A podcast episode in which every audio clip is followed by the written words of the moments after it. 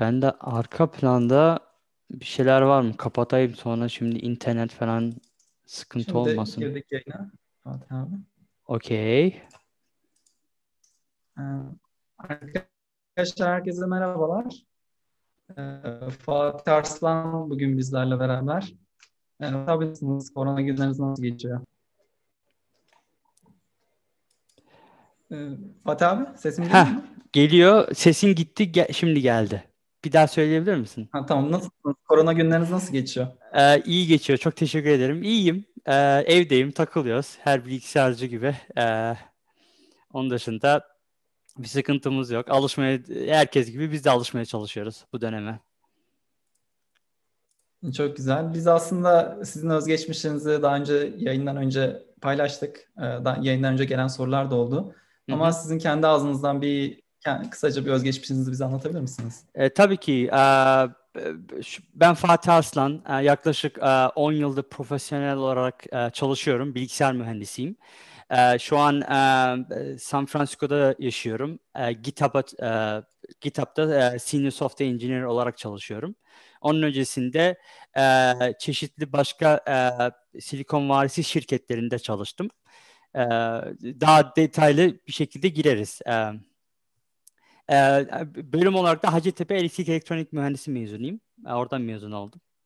Fakat bilgisayara olan e, Çok tutkum çok fazlaydı. O yüzden o tarafa kaydım. çok güzel. Hacettepe bilgisayar ve elektrik elektronik mühendisliğini aynı anda bitirmişsiniz diye duymuştuk. Doğru mudur? Yok yok sadece elektrik elektronik mühendisi. Bilgisayar yok. Sadece bilgisayarla da ilgileniyordum. Ee, orada belki bir yanlışlık olmuş olabilir. Sadece elektrik ve elektronik mühendisliğini bitirdim. Yani çift anadal vesaire yapmadım. Anladım anladım. Peki böyle elektrik elektronik konusuna her zaman ilginiz var mıydı? Üniversiteye girmeden önce e, bu konuda oldukça ilgili miydiniz? Yoksa üniversite zamanında mı tercih ettiniz? Yani şöyle biraz ilgiliydim. Ee, hani biraz kendi vaktimlerinde e, vaktimde hani işte devre vesaire gibi şeyler çok yapıyordum yani. Hani ama yaptığım şeyler çok basit şeyler. O zamanlar e, şu anki gibi işte Raspberry Pi vesaire gibi şeylerim erişimim yoktu benim. Ee, hani işte pil işte kablolar işte böyle küçük küçük lambalar yani çok basit aşırı basit şeyler. Ee, fakat işte o dönemler aslında ben e, bilgisayar mühendisliğini seçmek istemiştim. Fakat benim girdiğim yıl 2005 yılında e, bilgisayar mühendisliği e, bir tık üstteydi. E, o yüzden puanım ona yetmemişti. Elektrik elektronik mühendisliğine girmiştim ben de. E, herkes gibi şey düşünmüştüm. Hani ne olacak ki? Yani ben zaten bilgisayarı çok seviyorum. Elektronikle benziyor ki alakası yok tabii. E, o yüzden elektrik elektronik mühendisliğini seçmiştim. Çok güzel. Peki bu elektrik elektronik bitirdikten sonra bilgisayar mühendisliğine geçişiniz, daha software engineering işleri yapmanız zor oldu mu yoksa kolay bir geçiş miydi sizin için? Ee, bi- biraz zor oldu kimi zaman. Bir, bazen daha da kolay oldu diyebilirim. Çünkü ben üniversite zamanında zaten bilgisayar ile ilgili işlerle uğraşıyordum. Ee, örneğin mesela Linux kurma, işte Linux'la üzerinde çalışmalar yapıyordum zaten. Hani üniversitede üniversitedeyken bile, elektrik elektronik mühendisliğini okurken bile. O yüzden e, bu sektöre atıldığımda aslında birçok kişiden daha fazla bilgim olduğu alanlarda vardı. Yani ok gibi konularda çok rahattım. Fakat e, biraz daha ilerledikçe kariyerimde bazı eksikliklerin olduğunu fark ettim. Özellikle e, bilgisayar mühendisliği e, temel bilgiler açısından mesela algoritmalar olabilir, e, data structures olabilir. E, biraz daha bu e, hani teorik bilgiler açısından biraz zorluk yaşadım. Onları da kendi başıma işte kitaplardan vesaire kapatmaya çalıştım. Ha, çok güzel. Üniversite okurken iki tane staj yaptığınızı görüyorum. Biri TÜBİTAK'ta, biri Hı de hı. Bilkent Bilkem'de. Bu stajlarınızın size nasıl katkıları oldu? Nasıl bir e, faydaları oldu? Staj yapmayı Ee, tavsiye eder misiniz? e, tabii ki. Şimdi şöyle, ilk önce ilk stajımı bahsedeyim. Ee, TÜBİTAK'taki Pardus projesinde staj yapmıştım 2008 yılında. Ee, oradaki proje bana aslında hani biraz daha şeyi tattı. Ee, bu açık kaynak camiada çalışmak, işte e, yaptığın işlerin kapalı gizli kutular ardında değil de biraz daha açık herkesin görebileceği e, mecralarda nasıl yapıldığını e, çok güzel bir şekilde gördüm. Mesela e, işte bizim mail listeleri vardı. Onlar üzerinden konuşurduk. Orada soru sorardık. İnsanlar cevaplardı. Ya da mesela yaptığım işi herkes görürdü. Bu hem biraz ürkütücü gelmişti bana o zamanlar. Yani ki bu camilerin içinde olmama rağmen. Çünkü yaptığınız her şeyi herkes görüyor. Ama normalde başka bir şirkette staj yaptığınız zaman hani şirketin içindesiniz. Atıyorum şimdi siz Aselsan'da staj yapsanız sizin ne yaptığınızı kimse görmüyor. Biraz daha rahat olabiliyorsunuz. Ee, böyle bir şeyler vardı. Ee, teknik anlamda da çok iyi mühendisler vardı. Ee, o açıdan Pardus stajı gerçekten benim için bir e, dönüm noktası diyebilirim. İkinci stajım da e, Bilkent'te elektrik elektronik mühendisliğinde yapmıştım. Bilcem e, e, grubu altında. Bilcem'de e, e, bu elektromanyetik e, alanlardaki e, şeyi hesaplıyordu. Yani um, Computational Electromagnetics diye geçiyor. Şimdi ben unuttum mu? Bayağı bir 12-13 yıl geçti de e, bu e, çok böyle büyük sorunları yani matematiksel formülleri e, e, çözmek için geliştirilen bazı yöntemler vardı. E, onlarla ilgili işler vardı orada. Orada da şöyle bir şey vardı. Normalde hep elektrik elektrik mühendisleri başvuruyordu oraya ve çok ciddi bir elektromanyetik teorisi altyapısına gerek gerekiyorsunuz. Fortran falan kullanılıyor. Baya böyle bir eski bir dil kullanılıyor orada. Fakat benim orada avantajım bu makinelere işte SSH yapmak gerekiyordu. Ee, hani orada çalışırken çok ciddi bir Linux bilgisine gerekim vardı. Ee, ve ben orada girdiğimde öyle bir e, güzellik olduydu benim açımdan. Hani ben hiç zorlanmamıştım. Ee, ve Bilkent'teki o havayı solmuştum. Oradaki e, hocalarla, asistanlarla birlikte çok güzel çalışmıştık. Ee, orada bana biraz Türkiye'nin farklı şeylerini gösterdi. Yani akademik camia içinde ki hani böyle şirketler olur ya hocaların yönettiği vesaire bir şeyler yapıyorlar. Ee, onları görmüş oldum. Evet ben de kendim de bir Bilkent mezunuyum. Bilkent'teki akademi ortam gayet güzeldir. Siz de ne güzel orada bir deneyim kazanmışsınız, staj yapmışsınız. Evet. Peki Fatih Levent yani Gürsel. Levent Gürsel'le mi çalıştın? Levent Hoca. Aynen. Onunla çalıştım. Şimdi herhalde yok orada değil mi? Ayrıldı mı? Yok, Bilmiyorum. Yok maalesef ayrıldı. Evet. Biz evet. başladığımız zaman yok. Ee, üniversiteyi bitirdikten sonra siz tekrardan iş aramalarına başladınız mı yoksa TÜBİTAK'ta işe devam ettiğinizi görüyorum. Orada ee, evet, kolay mı e, için nasıl gidiyorsunuz? Ben aslında işe hiç, hiç iş şöyle oldu. Ee, ben çok aramadım. Çünkü ben ne istediğimi çok iyi biliyordum. Ben hani TÜBİTAK'ta çalışmak istiyordum ya da işte böyle yazılımla ilgili bir projede çalışmak istiyordum. Ee, ben o ara sadece bir yere başvurduydum. Siemens'e başvurmuştum. Ankara'daki Siemens'e. Ankara'da yaşıyorum. Orada çalışmak istiyordum. Ama e, zaten benim e, Nisan ayında, normalde Haziran ayında mezun oluyor herkes. Nisan ayında benim zaten o zaman TÜBİTAK'tan bir teklif gelmişti. Hani mezun olur olmaz gelin bizimle çalışın gibi. O yüzden benim oradaki işim hazırdı. Ben Siemens'e de zaten bu Mart gibi, Nisan gibi o aylar e, da başvurmuştum. O yüzden elimde iki tane teklif vardı hani. Tabii ki ben de zaten staj da yaptıydım. Orayı da çok istiyordum. Doğrudan TÜBİTAK projesinde başlamıştım Pardus'ta. Çok güzel. Bu direkt TÜBİTAK'tan başlamanızda ve orada teklif gelmesine herhalde orada staj yapmanızın da bir etkisi vardır diye tahmin ediyorum. Tabii ki. Staj yapmamın etkisi var. Beni çok iyi tanıyorlardı. Ee, o yüzden de zaten staj bittikten sonra da demişlerdi hani e, mezuniyetine yakın hani tekrardan konuşalım vesaire seni aramızda isteriz diye. Ee, ve bunu bu bu arada hani bizim gibi şirketler ya da Google vesaire buradaki çoğu şirket de o şekilde yapıyor. Yani stajı aldıktan sonra eğer şartlar e, hani müsait ise genellikle stajyeri işe alıyorlar. Konuya girebiliriz. Bir sürü sebebi var. Çok güzel. Evet bu çok güzel. Bunu daha da, da detaylı konuşuruz ileride. Yani böyle Linux işletim sistemiyle open source hep içli dışlı olmuşsunuz. Bir de sizin böyle bir Mavi Portal diye bir hikayenizi duyduk. Ondan biraz bahsedebilir misiniz Mavi Portal? Mavi Portal çok eski. Şö- şöyle söyleyeyim. O bayağı bir eski proje. Ee, Mavi Portal dönemi benim aslında ta 2002 yıllarına dayanıyor. Ben o zaman Almanya'da yaşıyorduk biz. Almanya'dan gelmiştim Türkiye'ye. Ee, işte bu Linux falan vesaire hiçbir şey bilmiyorum ben. Yeni yeni öğreniyorum onları. Sonra işte ben e, internette bir tane makale bulmuştum. Ee, yani ben bilgisayar öğrenmek istiyorum ama bilgisayar programlama öğrenmek istiyorum. Nasıl yaparım vesaire diye işte hacker nasıl olunur diye bir tane e, belge bulduydum. Sonra onu okumaya başladım. Yani çok böyle saçma gelebilir şimdi. E, biraz anlatayım.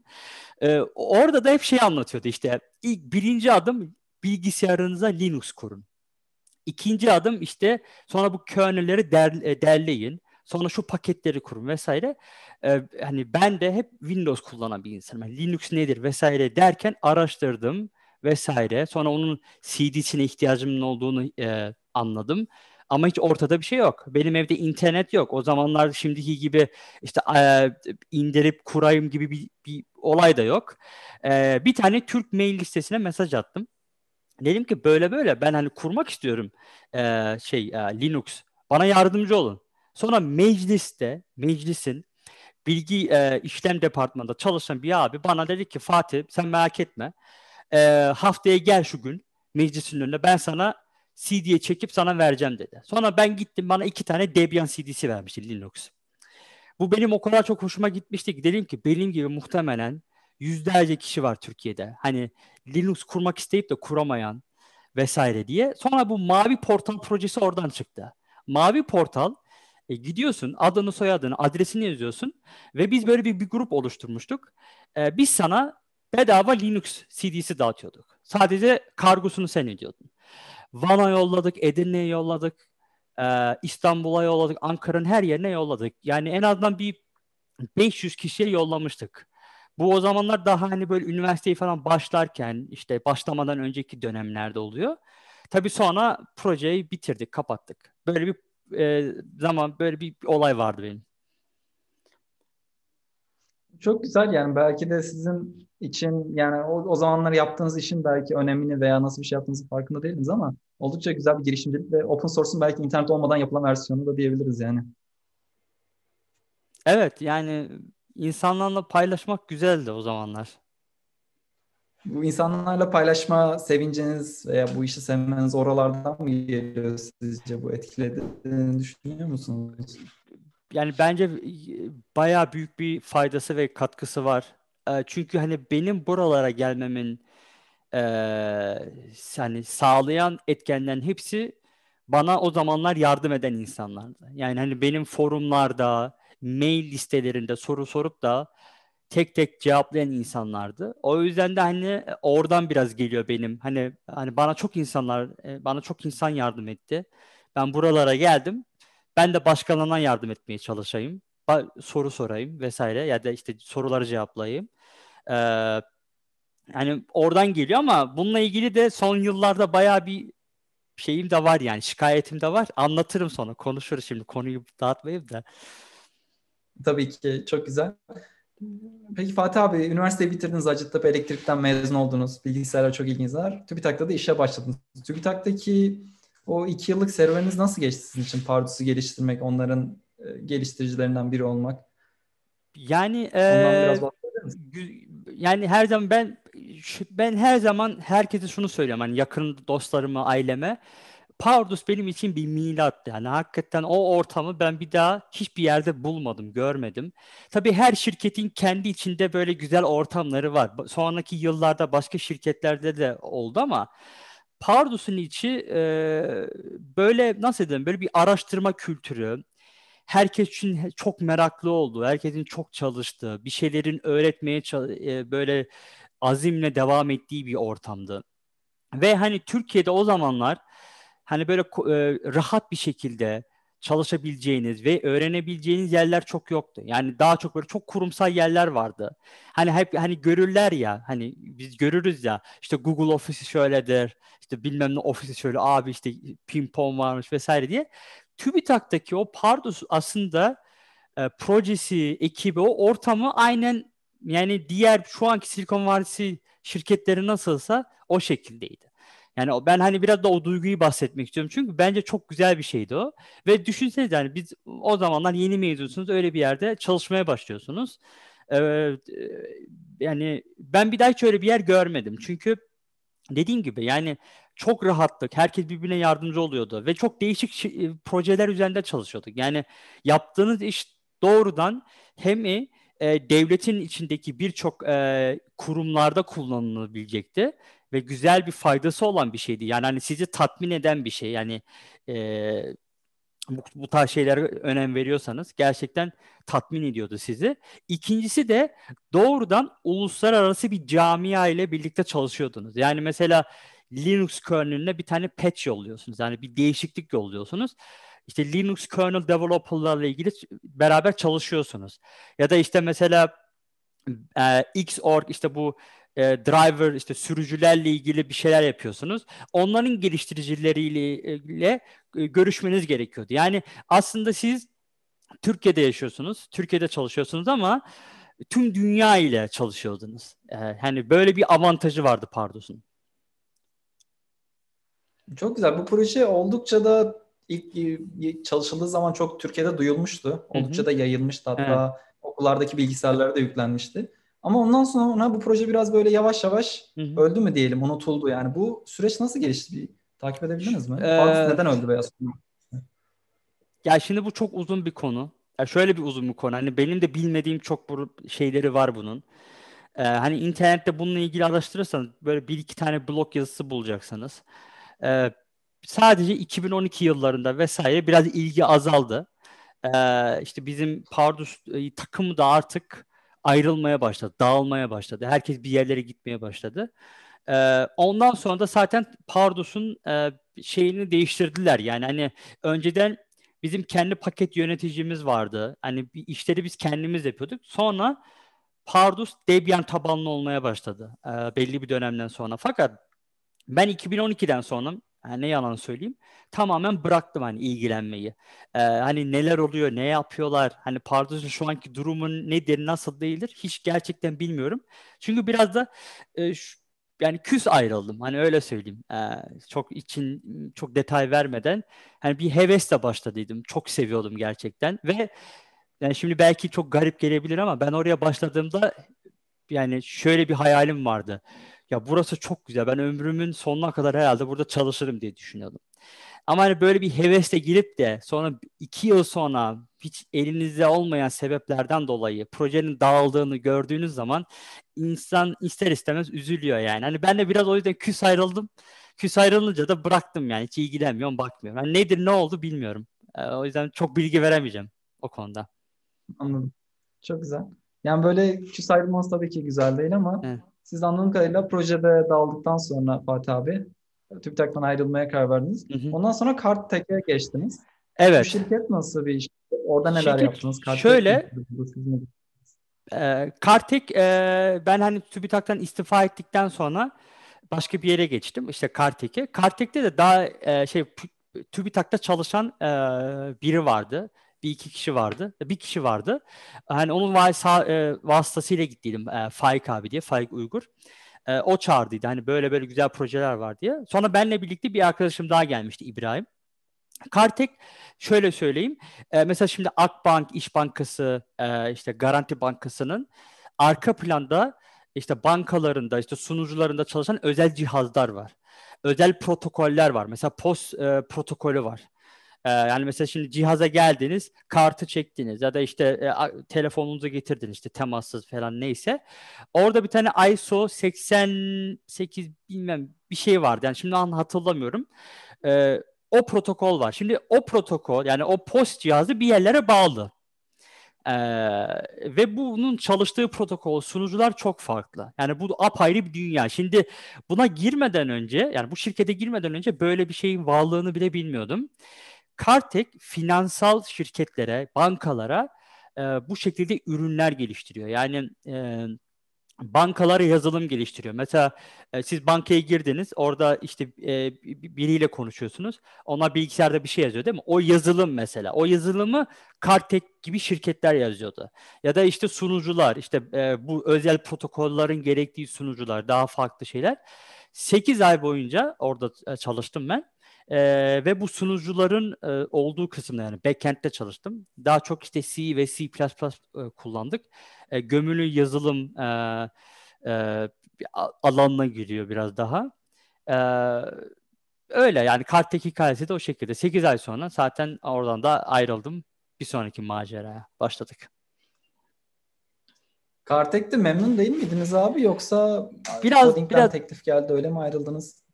Yok o Kodik'ten de teklif geldi ama Kodik'tenki teklif daha farklıydı. Kartek'ten biraz memnun değildim yani mutsuz ayrıldım. Yani şöyle hani o Pardus'taki o ortamdan sonra gerçekten hiçbir yer sizi kesmemeye başlıyor.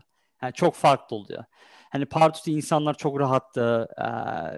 Yani kimse sizin ne yaptığınızı falan bir şey sormuyordu. Çünkü işinizi yapıyorsunuz. Herkes biliyor işinizi yaptığınızı. Kartek çok daha kurumsaldı. Yani çok daha bu askeri düzen yani işte müdür çalışan ilişkisi çok çok daha farklıydı. Ee, o yüzden ona biraz şey yapamadım yani, yani alışamadım ve yalnızdım yani ekipte sonra ayrıldı birçok kişi. Ben tek başınaydım. İstanbul'da Kurköy'de yaşıyordum. İstanbul'u bilenler. Ee, Kurköy'den e, Maslak e, şeye İTÜ'nün teknokenti var. E, İstinye'nin karşısında. Maslak'ta evet. Arı mı neydi? Arı 3 müydü? Öyle bir şeydi. Oraya gidiyordum. Fakat ikinci köprüde o zamanlar Fatih Sultan Mehmet Köprüsü mü? İkinci köprü. Şeydi FSM. inşaat vardı. Yani ben iki buçuk saat gidiyordum. iki buçuk saat geliyordum. Böyle iki üç ay falan oldu. Ee, bir de yalnızdım. Ofise gidiyordum. Kimse yoktu vesaire derken dedim ki hani bu bana göre değil. Ben başka şeye yapmam gerekiyor diye. Ve o şekilde ayrıldım. Bir de o aralar nişanlanıyordum eee, vesaire. Hani Ankara'ya dönmeye çalışıyordum. Eee, onun da biraz etkisi oldu diyebilirim. Peki şey sormak istiyorum. Türkiye'de yeni mezun olmuş bir bilgisayar mühendisi için işe başlarken neye dikkat etmesi gerekiyor? Nasıl bir iş ortamına girmesi onun için faydalı olur? Ya, nasıl Ya ben biraz şimdi bak bu konuda çok fikir var değil mi? Herkes bir şey söylüyor. Şimdi o yüzden benim söylediklerim yüzde yüz doğru değil ama ben hep her zaman bu şekilde davrandım. O yüzden ben kendi açlığımı söyleyeyim. Eee, ben hani bir şeyi öğrenmek için bir kişiyi alıp da okyanusa atıp yüzmeyi öğret hani öğrenmesi gerektiğini düşünenlerdenim. Yani ben hani bir insanın bir yere gittiği zaman gerçekten zorlanıp o zoru görüp çabalayıp öğrenmesi gerektiğini düşünüyorum. O yüzden de hani şirket seçerken hani şirketteki yapılan işlerden ziyade hani ben orada ne öğrenebiliyorum? Yani ne öğrenirseniz kardır. Hani orada orası biraz daha challenging bir yer olmasına bakıyorum ben daha çok. O yüzden hani oraya başvuranlar eee, hani eee, yani şirket arayanlar bence çok rahat alışmasın. Eee, şimdi bir tane kitap vardı. eee, Paul Graham'ın kitabı. Şimdi onu da sevmeyenler çok da şimdi o konulara girmeyeyim. Eee, hani o kitabında şey şey diyordu. Hani önünüzde iki yol varsa biri basit yürüyebileceğiniz ve yürüyebildiğiniz daha önce belki yürüdüğünüz yol ve zor yol. Her zaman zoru seçin. Çünkü zaten hani kolayı yapacaksınız. Hani zor olmadığı zaman zaten kolayı yapacaksınız. Yani sıkıntı yok. O yüzden aslında kaybedecek hiçbir şeyiniz yok. Ee, şirket seçerken de biliyorum hani Türkiye'deki seçenekler e, eskiden azdı ama artık arttı. Çok güzel startuplar var. Özellikle İstanbul'da, Ankara'da e, biliyorum ben oradan da arkadaşlarımdan konuştuğum şeyle. E, Hani böyle e, dediğim gibi zor olanı seçsinler. E, hani zor nedir? Onu da tabii bilemeyecekler ama işte e, sorarak işte belki staja girmiştir. Hani belki e, birilerinden duymuştur. Hani o, o ilk bir iki sene mesela şöyle şeyler de olabilir. Yani onlar günde 8-10 saat çalışıyor. Tamam. Ben 10 saat çalışılmasına ben de karşıyım hani.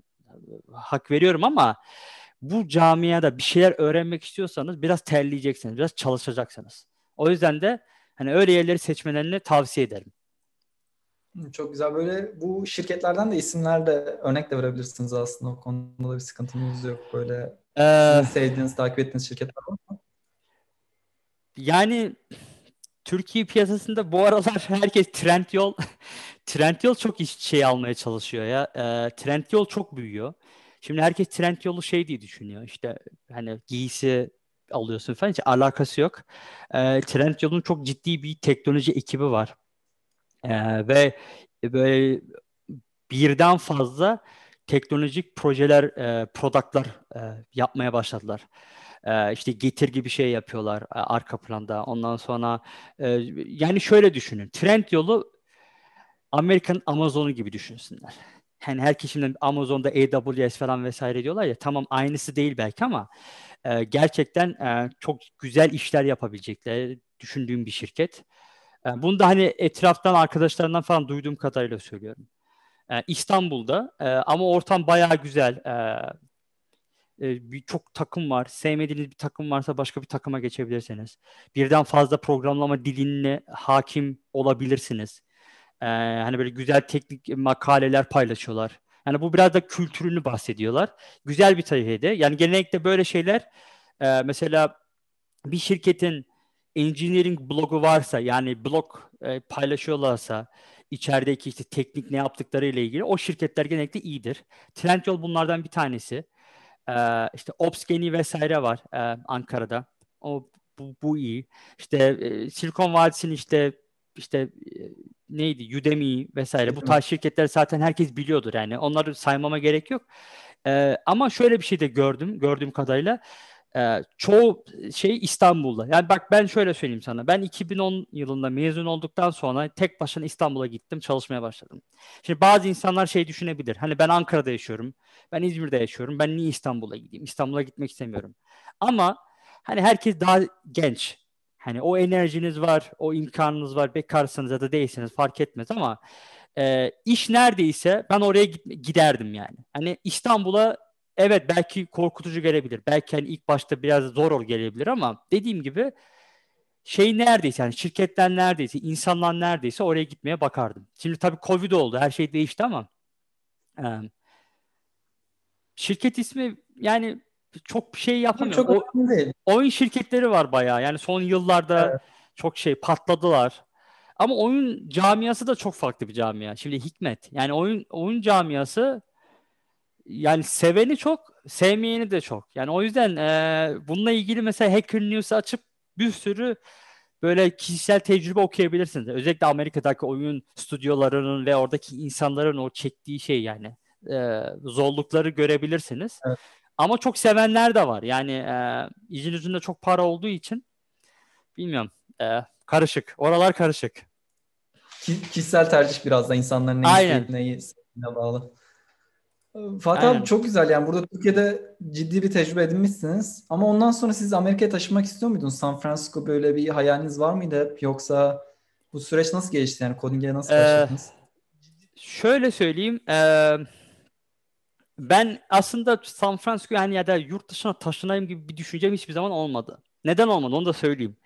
Şimdi e, belki şu an Türkiye'deki konjüktür lafını çok kullanmak istemiyorum ama hani oradaki hal, ortam gençler hep dışarıya gitmek istiyor ama e, şöyle düşün. Ben zaten 17 e, yaşına kadar ben Almanya'daydım. Ben Almanya'da doğdum, büyüdüm. Hani Almancam var vesaire. Sonra Türkiye'ye geldim. O yüzden ben hani yurt dışında yaşayıp orada doğup büyüyen bir insan olarak Türkiye'ye geldim. Şimdi hani böyle bir insan sorarsanız hani tekrar gitmek ister misiniz? Muhtemelen yüzde yüz tabii ki diyecek. Çünkü hani zaten orada doğup büyüdüm ben. Ee, ama aynı zamanda belki de benim mesela benim nezdimde ben öyle çok düşünmüyordum. Çünkü hani Evet, oranın vatandaşıyım. Yani zaten istesem oraya gidebiliyorum. Hani orada ailemin bir kısmı yarısı orada. Hani evimiz var vesaire. O yüzden de hiçbir zaman böyle yurt dışına gideyim gibi bir düşüncem olmadı. Fakat bu özellikle iki, son 2-3 yıl içinde ee, biraz da şeyi fark ettim. Yani Türkiye'deki ortamın çok değiştiğini fark ettim. Önceden mesela e, yurt dışına çalışabilirken daha kolay bir şekilde bu havanın biraz değiştiğini farklı, fark ettim. Yani yurt dışındaki şirketler artık Türkiye'den daha az mühendis almaya başladı. Ya da mesela atıyorum mesela ben Digital Ocean'a çalıştım 4 yıl kadar. Ee, ben Digital Ocean'a girdim ve ben Türkiye'den çalışan tek kişi bendim. Ee, başka da kimse yoktu ve almam, almadılar bir daha. Yani Türkiye'den almıyoruz dediler. Ve o kadar çok yetenekli mühendis olmasına rağmen Türkiye'de. Ee, neden diye soruyorsun. neydi? İşte, yani Türkiye'den yani, almamalarının belli bir sebebi var mıydı? Bu, bunun sebebi çok. Yani birinci sebebi e, şimdi mesela bu tarz şirketler Avrupa'dan alıyor, Japonya'dan alıyor. Çünkü e, şeyleri belli yani hani vergi e, nasıl alınacağı yani oradaki çalışan insana verilecek hakların nasıl olması gerektiğini vesaire gibi şeyler hep oturmuş. Çünkü mesela diyelim ki Amerika'da zaten binlerce şirket var. Bu binlerce şirket zaten Almanya'daki İngiltere'deki işte Japonya'daki şirketlerle e, haşır neşir yani tamam mı? Orada oraya e, ürün satıyor, oraya ürün alıyor. Oranın o ülkenin kurallarını biliyor, nasıl davranması gerektiğini biliyor. E, o yüzden de oradan insan alıp çalıştırmak çok daha kolay. Yani çünkü belli, prosedürler belli. Ama Türkiye'ye gelince yani Türkiye'de zaten iş yapmıyor. İş yapmadığı için de mesela genellikle şirketler biraz tedirgin oluyor. Hani diyor ki tamam ben şimdi seni işe alacağım ama senin sağlık sigortan nasıl oluyor? Ee, ben hani vergiyi nasıl halledeceğiz? Sen orada yasal olarak çalışabiliyor musun? Ee, vesaire gibi durumlar var. Bu bir ilk durum. Şimdi ikinci durumda e, bu benim kendi gözlemim yanlış olabilir. Biraz da bence bu son yıllarda Türkiye'nin etrafında e, oluşan ve Türkiye'nin imajı ile ilgili bir şey. Yani Türkiye'ye baktığın zaman insanlar artık biraz daha şey görüyor yani hani Türkiye mi diye böyle burun kıvırıyor. Yani e, bu, bu önceden çok yoktu. Ama bu e, son yıllarda çok olmaya başladı ve biraz da onun da etkisi var. Şimdi hani mesela bunun empati kurmak açısıyla söylüyorum. Bak küçümsediğimden değil çünkü sözlerin başka yerlere çekilmesini istemiyorum. Şu, şu şekilde düşün. Şimdi mesela ben hani desem ki e, sen bir, yer, bir yerle çalışacaksın. Sen Almanya'daki mühendisle mi çalışmak istersin ya da diyelim ki Afrika'daki adını duymadığın ya da duyduğun mesela Güney Afrika'daki bir mühendisle mi çalışmak istersin? Bak kesinlikle sözün bir yere gitmesini istemiyorum. Sadece bir empati kur. O an ilk aklına gelen nedir? Şimdi aynısını da onlar düşünüyor. Onlar diyor ki hani tamam Almanya'da mühendis. Şöyle şöyle şöyle ben onlarla mı çalışayım yoksa Türkiye'deki bir mühendisle mi çalışayım? Yani kesinlikle bir ön yargı oluşuyor ve o ön yargıyı kırmakta zor oluyor. Ee, yani hani e, e, bu, bunun bir de bu tarafı var. Ee, söylenmeyen, çok dile getirilmeyen ama gerçekten var yani hani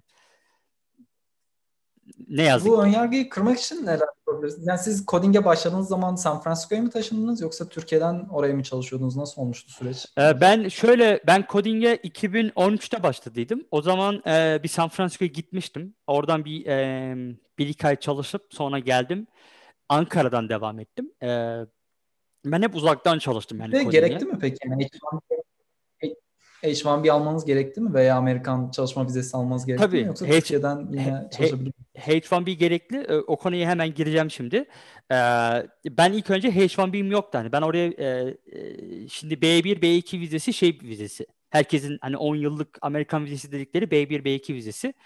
Ee, onunla gidebiliyorsunuz. O, onunla çalışmak yasak ama e, uzaktan çalıştığınız bir şirkete hani ben e, toplantılarım var. Hani benim ben business yapıyorum. Ben ama Türkiye'den çalışıyorum vesaire e, diye gidebiliyorsunuz. Şimdi ama genellikle bunu mesela e, bunu da tip olarak vereyim. Mesela San Francisco'ya girerken polis oradaki polis soruyor yani niye geldiniz diye. Hani ben normalde herkes şey söylerdi. Ben bir hafta gezmeye geldim. iki hafta gezmeye geldim. E, çünkü ben çalışıyorum dediğiniz an adam hemen sizden çalışma vizesi istiyor. Ama aslında siz öyle çalışmıyorsunuz. Siz Türkiye'ye çalışıyorsunuz. Bu yüzden de çok sorunlar olabiliyor. Şimdi böyle bir e, parantez açtım. E, B1, B2 vizesiyle gidip gelinebiliyor. Ben üç e, buçuk yıl boyunca coding'de çalıştım ama coding birinci yılın sonunda bana H1B'ye başvurmuştu. E, sonra H1B çıktıydı benim coding'den. E, ben ama coding'de çalıştığım dönem hiçbir zaman H1B ile gidip gelmedim. Yani ben her zaman benim B1, B2 vizemle gidip geldim. H1B benim çıktıydı ama hiç kullanmamıştım. Yani onu da söyleyeyim, belirteyim. Ee, ne zaman ki DigitalOcean'a geçtim, DigitalOcean'a şey söylemiştim yani onlara. Yani benim H1B vizem var. Bunu da transfer edelim demiştim. Onlar da sağ olsunlar transfer ettiler ve H1B'yi aktifleştirdim ve çok ilginç belki gelecek. Ben yine gitmedim New York'a. Ben hala Ankara'dan çalışıyordum. Fakat benim Amerika'ya giriş gelişlerimde çok kolaylık sağlıyordu bu. Çünkü ben mesela e, New York'taki havalimanında JFK'ye girerken direkt hani ne için geldi diyordu. Çalışıyorum diyordum. Yani o kadar bir rahatlık veriyordu ki sana. Gidiyordum bir iki hafta duruyordum. Türkiye'ye geliyordum. Yani en az bir 10-15 kere böyle bu şekilde New York'a gidip geliyordum H1B vizesiyle. Ee, ama hala Ankara'dan çalışıyordum. Onu da söyleyeyim yani. Siz H1B aldığınız şey anlamına gelmiyor. İlla yurt dışına taşınmanız gerekmiyor. Yani onda böyle de bir durum var. İsterseniz yurt, Türkiye'den çalışıp gidip gelebilirsiniz. Ama çoğu şirket bunu kabul etmiyor ve kabul etmek ister mi bilmiyorum. Bu e, Fatih abi uzaktan çalışmak codingle beraber sizin için ilk oldu herhalde. Daha önce e, hem Cartec'te hem de TÜBİTAK'ta e, gidip geliyordunuz. Evet. 2 saat ofise geldiğinizden bahsettiniz. Evet. E, Cartec'te aslında Cartec 8 ay demiştim ya. O ilk 4-5 ay o şekildeydi. Sonraki 2-3 ay e, ben gidiyorum gitmek istiyorum dediğim zaman bana dediler ki tamam sen Ankara'dan uzaktan çalışabilirsin dedilerdi. Evet. ben hani Kartek'te başladı aslında benim. 2012'nin e, ortalarında başladı. Coding'de tamamen yani e, uzaktan çalışma ve o zamandan beri 2012'den beri uzaktan çalışıyorum. Hani şu an GitHub'da bile uzaktan çalışıyorum öyle söyleyeyim. Çok güzel. Bu uzaktan çalışma kültürüne peki nasıl alıştınız? Yani şu an Covid dolayısıyla çok fazla mühendis uzaktan çalışıyor. Evet. Ben de yeni Aha. işe başladım. Kendim de uzaktan çalışıyorum. Bir ee, ilk başlarda bu YouTube'dan biri sormuş uzaktan çalışma disiplini ilk başladığınız durumlarda nasıl sağlıyordunuz diye. Bu sürece nasıl Bak, adapte oldunuz? Evet şimdi şöyle bir şey var. İlk başlarda gerçekten çok zor. Yani zor dediğim şunu da söyleyeyim. Bu gerçekten insandan insana çok değişiyor. Bir kere bir insan kendini bilmeli. Yani bir insan kendini çok iyi bilmeli. Şimdi buraya geleceğim. Neden bunu söylüyorum? Ee, uzaktan çalışmanın bir sürü e, dezavantajı olabiliyor. Tamam mı? Yani ilk başta alışmadığınız sürece. Bunun mesela ilk dezavantajlardan bir tanesini söyleyeyim. Ee, sizin mesela ailenizde yaşıyorsanız e, vesaire sizin çalıştığınızı düşünmüyor kimse. Ya da aileleriniz ya da arkadaşlarınız falan herkes şey düşünüyordu. Şu an değişti Covid'den dolayı belki ama o zamanlar e, böyle bir şey yoktu. Hani evden çalışıyorsun dediğin zaman ofisten çalışıyormuş gibi bir ciddiyet olmuyordu. Bu yüzden de mesela sizi rahatsız edenler vesaire daha çok olabiliyordu. Ee, ofiste böyle ayağa kalkıp insanlarla konuşup bir şeyler yapabiliyordunuz. İnsanlarla konuşup yani biraz daha böyle e, bir şeyler öğrenebiliyordunuz. E, remote'da hiç böyle bir şey yok. Tamamen kendi başınasınız. E, işte saat düzeni falan çok değişiyor. İnsanlar hani ben evden çalışıyorum biraz daha rahat olayım. E, biraz daha işte sabah biraz daha fazla uyayım işte vesaire diyebiliyorlar. Ee, bunların hepsi iş o uzaktan çalışma kültürünün değişebiliyor. Şimdi hani başında dedim ya insan kendini bilmeli diye. Şimdi ben kendi açımdan benim hani çevremde ve arkadaşlarım beni biliyor. Hani ben her zaman zaten disiplinli bir insandım. Hani ben sabah kalkarım. Belli bir saatim vardır, belli bir şeyim vardır. O yüzden e, benim hani uzaktan çalışmak beni hiç yormadı da. Yani benim yani e, çok kolay geldi diyebilirim benim için. Yani bir sıkıntı olmadı. İkincisi ben araştırmayı çok seven bir insandım. Hani ben ta dedim ya mesela Mavi Portal olsun, bu Linux camiası olsun falan. Ben daha hani üniversiteye başlamadan önce zaten mail listeleri, forumlar falan hep zaten bu ne demektir? Uzaktan yani. Hani ben uzaktan sorular soruyorum. Bana soruları cevaplıyorlar. Ben onları cevaplamaya çalışıyorum. İnsanlarla iletişim halindeyim açık kaynak camiası zaten 20-30 yıldır uzaktan çalışan bir camia. Yani yeni bir şey değil ki bu. O yüzden o camia içinde çalışan insanlar zaten bu kültüre alışıktı. Hani benim gibi insanların hiçbir zorluk çekmedi. Şimdi mesela ne oluyordu? Bir şey mi oluyordu? Ben zaten araştırmasını gerektiğini biliyordum. Ya da e, yıl işte biraz daha uzun bir süre çalışılması gerektiğini biliyordum. E, hani bunun kolay olmayacağını biliyordum. Hani böyle bir şey de vardı.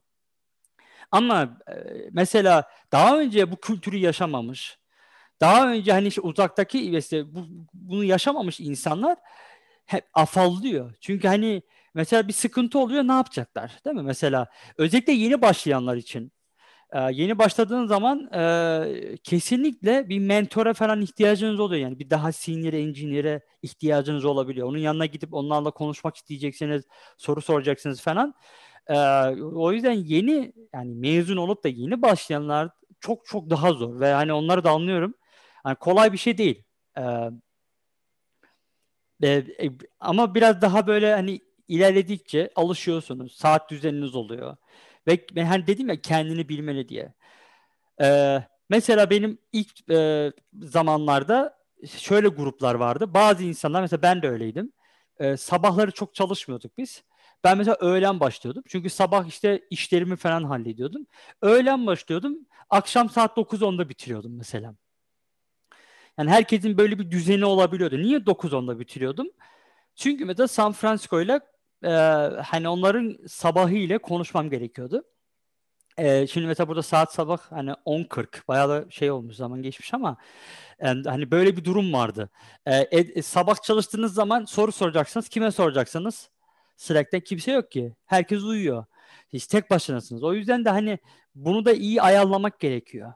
Ee, zaman ilerledikçe e, işte evlendim, çocuklarım oldu vesaire. Bu akşam çalışma kültürünü yavaş yavaş bırakmak zorunda kaldım. Yani e, ama onun da şöyle bir şey oldu. Biraz daha senior oldum. Hani biraz daha işleri kendim yapmaya başladım.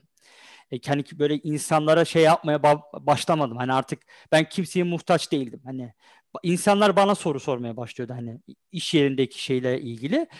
Bu da benim işimi çok kolaylaştırdı. E, sonuç olarak yeni başlayan bir insanla yani yeni grad, yani üniversiteden yeni mezun biriyle uzun yıllar çalışmış bir insan arasındaki deneyim çok farklı olacak. Ee, yeni başlayan insanlar biliyorum Covid var. Umarım e, yakın zamanda aşağı çıkar vesaire. Yeni başlayanlar kesinlikle bu işler bitti biterse uzaktan çalışmasınlar. Yani ben ta- kesinlikle tavsiye etmiyorum. Yeni başlayan bir insan e, ofis kültürünü bilmesi lazım. E, e, soru sorabileceği insanların olması lazım vesaire. Zaman geçtikçe, zaman geçtikçe biraz daha uzaktan kültürüne alışabilirler. Biliyorum şu an şimdi çok zor ama e, umarım ileride öyle bir şey olur. Ya uzaktan evet, çalışma yani, çok ayrı bir şey. Hikmet devam et. Kusura bakma. Uzaktan çalışmak cidden zor bir şey. Ben benim için de çok yeni ve pek çok insan için de çok yeni bir tecrübe. Ve dediğiniz gibi hani Aha. çok fazla soru oluyor yeni, yeni mezun insanların veya danışmak istedikleri veya kod review'larda bile çok yardıma ihtiyaçları olabiliyor. Hı hı. Ve bunları ilerletmek oldukça zor oluyor. Ee, bu coding'deki tecrübenizden biraz bahsedebilir misiniz Fatih abi? Yani bu coding'de siz ne yapıyordunuz? Hı hı. Coding nedir? Biraz da bunlardan konuşalım. Bir de şey de ilginç. Mesela evet. e, siz coding'i Türkiye'den çalışmaya ikna etmişsiniz. Ben Ankara'dan coding'e çalışacağım diye Aynen. ikna etmişsiniz. Ama bunu yapmak çok zor aslında. Bu süreç nasıl oldu? Yani bugün ya yeni mezun birisi veya 3-4 yıl tecrübeli birisi Amerika'daki bir şirketi Ankara'dan çalışmaya ikna etmesi ciddi bir zorluk yani. Yani orada şöyle bir şey var. Ee, biraz hani e, ben karşı tarafa şunu göstermek istedim. Yani ben gerçekten çalışkan bir insanım. Çalışmayı çok seviyorum. Benimle çalışırsanız e, benim neler yapabileceğimi göreceksiniz. Hani bunu göstermek için söylemiştim. Sağ olsunlar o zaman e, Coding'in CEO'su e, Devrim abi e, bana bu imkanı sağlamıştı. 3 ay boyunca e, uzaktan e, çalışıp onları ikna etmiştim. Birinci diğeri de benim o zamanlar Pardus'ta çalışan arkadaşım Gökmen. E, o Coding'de çalışmaya başlamıştı ve hani o Devrim abi demişler. Hani ben Fatih'i biliyorum. Fatih ile çalıştım. Eee hani bu, bu yapabileceğini biliyorum diye o şekilde ikna etmiştim. Devrim abinin kafasında da şöyle bir şey vardı. hani ben uzaktan Fatih birini aldıydım zamanda hani birileriyle çalıştıydım bir iki kişiyle olmadı. Seninle de aynısı olmayacağını bana, hani bana garantisini verebilir misin demişti. Ee, biraz da şeyimdir yani ben hani e, konuşmayı seviyorum hani o açıdan. Karşı tarafı nasıl diyeyim hani ikna etmeyi başarabildim. Hani çok ciddi çok nasıl desem ciddi değildi hani e, kelimeyi bulamadım hani, hani dürüst bir şekilde söyledim anlatabiliyor muyum? Hani yalan dolan yoktu. Hani ben bir şekilde. Aynen direkt söyledim. Abi dedim ben çalışan bir insanım. Bak gerçekten inan bana ben bunu yapabilirim. Ve tabii ki bak hani şimdi bazı şeyleri hani söylemek gerekiyor. Şimdi karşıdaki insanın Türk olması değil mi? Türkçe bir şekilde kendinizi ifade edebilmeniz bunlar önemli bir şey. Şimdi ben hani bunu ben yaptım diyebilirim ama hani burada bir e, şey de yapmayalım. Şimdi siz gidip de atıyorum herhangi bir e, Silicon Valley yabancı bir şirkete gidip de oranın CEO'suyla bu şekilde konuşmak hani biraz zor olabilir. Ya da imkansız da olabilir. Nasıl tanıyacaksınız? Nasıl şey olacak? Ee, ama hani böyle şirketler var ve mümkün. Ee, bu şekilde başladıydı benim. Ee, sonra Coding'de ne yapıyordunuz abi? He. Orada Coding'de e, Coding'e bir anlatayım hemen. Coding şu an kapalı. E, Coding diye bir şirket yok artık. Ama önceden e, Coding online development environment sağlıyordu. Yani siz Coding'e üye oluyordunuz. E, özür dilerim. Sıkıntı yok. Bu arada arkadaşlar yayınlarımızı her hafta yapıyoruz. Ee, yayınlar içinde geri bildirim anketleri topluyoruz. YouTube'da chatten katılırsanız çok seviniriz. Yayınları geliştirmeye çalışıyoruz. Buyurun Fatih abi sizi. Tamam. Şimdi siz coding'e üye oluyordunuz ve coding size internette, cloud'da size bir tane çalışma alanı veriyordu. Yani sizin bir editörünüz var, terminaliniz var ve siz doğrudan işte Chrome'dan, işte Firefox'tan, sizin tarayıcınızdan çalışabiliyordunuz. Şu anki e, GitHub'ın Code Spaces gibi ya da Cloud9 var mı hala bilmiyorum. AWS mi ne aldı, satın almıştı ama. E, ben oraya başladığımda işte e, Go ile yeni ilgili e, şeyler e, başlamışlardı. Yani Go yazmaya başlamışlardı. Ee, backend tarafında başlamıştım ben. Ee, ve işte bu hani terminalde mesela bir karakter yazıyorsunuz ya işte bir şeyler yazıyorsunuz sonra bu karakter işte bir sunucuya gitmesi lazım. O sunucuda o karakterin o terminale girdi olarak girilmesi lazım çalışması lazım ve size geri dönmesi lazım. Bu sunucularda çalışan uygulamaların geliştirilmesi ile ilgili ve siz mesela bana yeni bir makine oluştur dediğinizde bu makineyi AWS'te ya da işte e, Google Cloud'da bir yerde gidip de oluşturup hazır hale getirilip size sunulması e, teknolojisini vesaire gibi şeylerini çalıştım ben. Hani bu 3 yıl boyunca, 3,5 yıl boyunca tamamen arka planda e, bunların e, işte e, işte bu e, VM scheduler kısmı vardı işte hani makine oluşturulacak. Makine 24 saat içinde işte e, belli bir dönem sonra kapanması gerekiyor. Başka cloudlarda çalışılması lazım vesaire gibi. Yani orada bir sürü iş yaptım. Şu an hani detayları çok kafamda karışık. E, genel olarak hani e, backend tarafındaydım bunlarla ilgili. E, ve Go'yu da orada başladım. Hani Go programlama dilini vesaire orada öğrendim, orada yazmaya başladım. Evet, biraz da aslında Go'dan muhabbet açılmışken onları da konuş. Bazı arkadaşlarımız yayından önce sormuşlar Go programlama diline yatırım yapmaya ve öğrenmeye değer mi diye. Siz ne dersiniz? Ee, yani ben bunu yıllardır söylüyorum. 2015'ten beri söylüyorum. Ee, ta o zamanlar hatta Ankara'da meetup vesaire olmuştu bir kere. Oraya da katıldım demiştim. Hani arkadaşlar e, Go diye bir programlama dili var. E, şu an işte Google olsun, Facebook olsun, Amazon olsun, Microsoft olsun, işte büyük şirketler, küçük şirketler fark etmiyor. Hemen hemen herkes Go ile yazıyor. Yani Go her yerde kullanılıyor. E, ve cloud'un hani dili olmaya başladı. Yani siz eğer bulutta yani cloud'da bir şeyler yazmaya başlıyorsanız genellikle Go e, ile yazıyorsunuz. İşte mesela mikroservis mi yazacaksınız? Go ile yazıyorsunuz vesaire. E, Go'nun böyle bir avantajı vardı ve hala da devam ediyor. E, Türkiye'de hala yaygın değil. Fakat yavaş yavaş e, görüyorum bazı yerler kullanmaya başlamış. E, bunun sebeplerinden bir tanesi de mesela Kubernetes gibi teknolojiler var. İşte Kubernetes var, Docker var, işte HashiCorp'un ürünleri var. Yani bayağı aslında bunların hepsi Go ile yazıldı. E, ve şu an mesela Kubernetes kullanmayan şirket kalmadı diyebilirim. Herkes kullanıyor. E, ve bu insanlar mesela e, mühendis alacağı zaman Go bilen insan almak istiyor. Çünkü mesela Kubernetes'e bir şey yazılması gerekiyor ya da Kubernetes ile ilgili işler yapılacağı zaman hani Go'nun e, Go'yu bilmeniz size biraz avantaj sağlayabiliyor. Çünkü Kubernetes koduna falan bakabiliyorsunuz. E, diğer türlü tabii yine API var. Başka diller kullanabilirsiniz ama e, Go'nun böyle bir avantajı var. Hala devam ediyor. E, çok güzel iş imkanları var. E, genellikle insanlar hani Go bilip e, güzel işler bulabiliyor. Türkiye camiası yani Türkiye'nin içinde belki zor olabiliyor ama e, yurt dışındaki işlerin e, çoğunda yüzde yetmiş, yüzde altmış. Tabii ben biraz da benim kendi bubble'ımdan bakıyorum hani. E, kendi gözlüğümden bakıyorum. O yüzden benim gördüklerim öyle tabii. Başkasına sorduğunuzda onlar diyecek ki işte şu programlama dili. Ee, ama hani Go'nun geleceği var, devam ediyor. Ee, ve hani kesinlikle tavsiye ederim. Elinizin altında bulunsun. Ee, bir de şöyle de bir şey var. Hani genellikle insanlar hep şunu düşünüyor. Hani bir programlama dili bilmek hani bilelim ondan sonra ömür boyu onunla birlikte devam ederiz diye. Evet. Hani e, yani şu, şunu unutmamak gerekiyor. Ya bu bir araç. Yani siz bunu kullanacaksanız bununla e, bir işe gireceksiniz, para kazanacaksınız değil mi? Yani hayatınızı e, geçindirmeye çalışacaksınız. Yani bugün bu Go olur, yarın başka bir dil olur.